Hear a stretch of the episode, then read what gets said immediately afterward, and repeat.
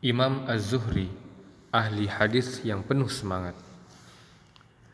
Beliau adalah Abu Bakar Muhammad Muslim bin Shihab Az-Zuhri, termasuk Sigar At-Tabi'in atau Tabi'in Junior, lahir pada tahun 50 atau 51 Hijriah.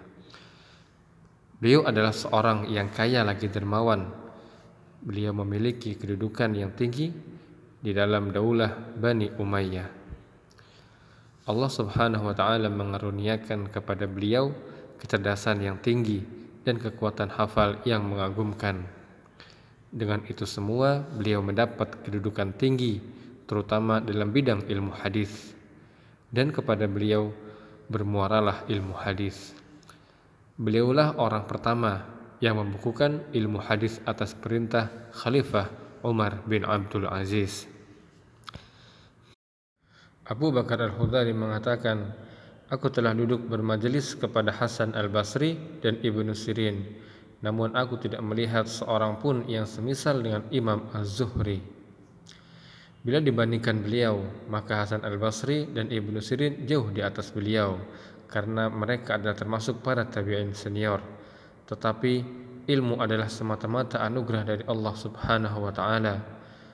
Allah mengaruniakan keutamaan dan rahmatnya kepada siapa yang dia kehendaki. Beliau banyak mengambil ilmu dari para tabi'in senior seperti kepada Sayyidut Tabi'in Sa'id bin Musayyib, Urwah bin Zubair, Al-Qasim bin Muhammad dan yang lainnya. Sementara itu, beberapa murid ternama beliau antara lain Imam Malik bin Anas Al-Laith Sufyanain dan para imam besar dari kalangan tabi'ut tabi'in senior lainnya. Pujian ulama kepada beliau. Amr bin Dinar mengatakan, Aku tidak pernah melihat seorang pun yang lebih mengetahui tentang hadis dibandingkan Ibnu Syihab atau Imam Az-Zuhri. Imam Ahmad bin Hambal berkata, Az-Zuhri adalah manusia yang terbaik hadisnya dan terbagus jalan sanatnya.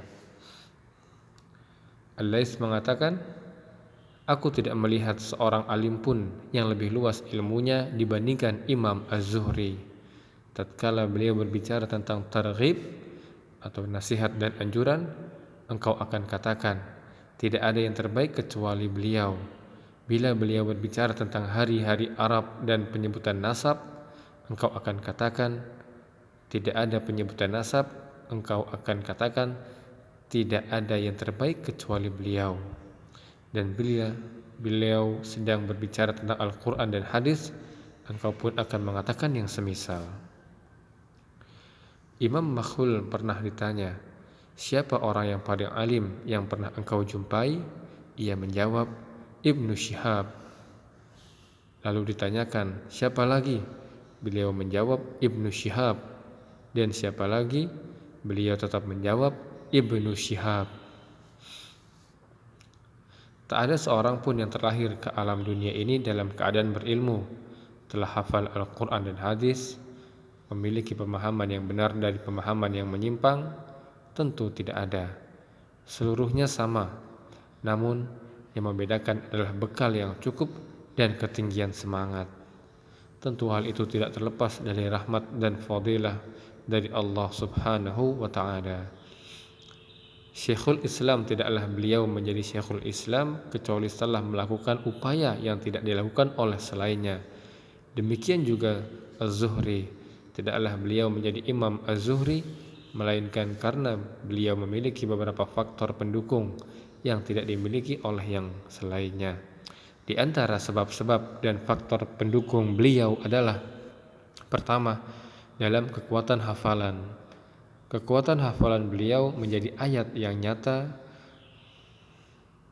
dari keutamaan beliau. Imam Az-Zahabi berkata, di antara yang menunjukkan kekuatan hafalan Imam Az-Zuhri adalah beliau mampu hafal Al-Quran hanya dalam waktu 8 hari. Sebagaimana hal ini diriwayatkan oleh putra saudara beliau Muhammad bin Abdullah. Imam Az-Zuhri pernah mengatakan, Aku tidak pernah melakukan persiapan dalam menyampaikan hadis. dan aku tidak pernah ragu tentang hafalanku kecuali satu hadis. Lalu aku tanyakan kepada saudaraku, ternyata itu pun sama dengan yang aku hafal. Al-Laits berkata, Ibnu Syihab pernah mengatakan, tidaklah sedikit pun sesuatu yang telah aku hafal lalu aku lupa setelahnya. Yang kedua, beliau menulis seluruh yang ia dengar. Dari Abdurrahman bin Abi Zinad dari ayahnya ia berkata, Aku pernah bertawaf bersama Ibnu Syihab dan ia membawa lembaran-lembaran dan buku tulis sampai kami menertawakannya. Dalam riwayat lain, kami menulis perkara halal dan haram, sedangkan Ibnu Syihab menulis semua yang ia dengar. Ketika kami merasa butuh dengan beliau, barulah kami tahu bahwa beliau manusia yang paling mengetahui. Ketiga, keuletan dalam menuntut ilmu dan mudzakarah. Beliau mengatakan, Aku pernah mengikuti guruku Sa'id bin Musayyib dalam rangka mencari hadis selama tiga hari. Beliau juga mengatakan, lututku selalu menempel pada lutut Sa'id bin Musayyib selama delapan tahun. Artinya, beliau selalu bermajelis menuntut ilmu kepada Sa'id bin Musayyib dekat dengan beliau dan tidak melalaikan bahkan terkadang mereka pergi meninggalkan kampungnya karena untuk mencari sebuah hadis. Selain kepada Sa'id bin Musayyib, beliau juga menimba ilmu kepada Urwah bin Zubair. Suatu hari ia menemani budak wanita beliau sedang ia tengah tertidur. Lalu ia membangunkannya seraya mengatakan, Fulan dari Fulan dan dari Fulan telah menceritakan hadis kepadaku Lalu budak wanita tersebut berkomentar, Apa peduliku dengan semua itu? Az-Zuhri menjawab, Aku tahu engkau tidak akan mengerti dengan ini semua. Hanya saja tiba-tiba aku teringat dengan satu hadis dan aku ingin mengulang-ulanginya. Beliau juga mengatakan, penyebab hilangnya ilmu itu karena lupa dan tidak diulang-ulang atau dimurojaah. Yang keempat, memuliakan ilmu dan ahli ilmu. Imam Az-Zuhri pernah bercerita, Aku pernah datang ke rumah Urwah bin Zubair.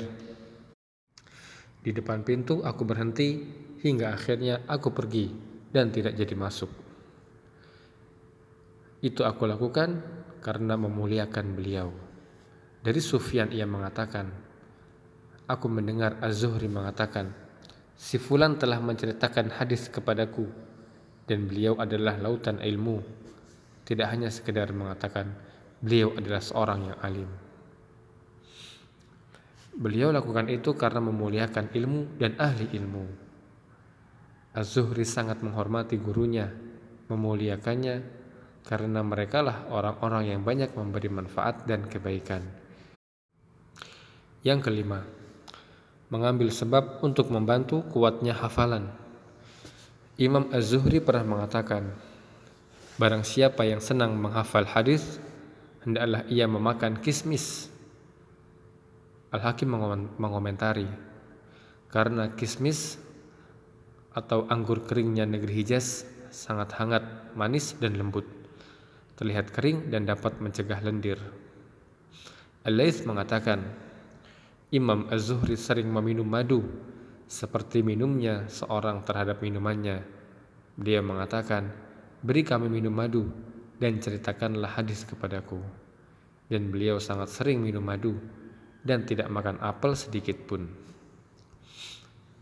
Alais juga mengatakan, Az-Zuhri pernah mengatakan, "Tidaklah sesuatu yang telah melekat di hatiku lalu lupa di kemudian hari." Beliau membenci makan apel namun beliau senang meminum madu. Katanya, madu itu dapat mempertajam ingatan. Beberapa perkataan mutiara beliau. Beliau pernah mengatakan, "Perbanyaklah melakukan sesuatu yang tidak akan disentuh api neraka." Lalu ada yang bertanya, "Apakah itu?" Beliau menjawab, "Perbuatan baik." Beliau mengatakan, Tidaklah Allah Subhanahu wa taala itu diibadahi dengan sesuatu yang lebih afdol dibanding dengan ilmu. Beliau mengatakan, para ulama sebelum kita berkata, berpegang teguh dengan sunnah adalah keselamatan sedang ilmu dicabut dengan begitu cepatnya. Dengan kemuliaan ilmu, tegaklah agama dan dunia, dan dengan hilangnya ilmu, hilang pula agama dan dunia.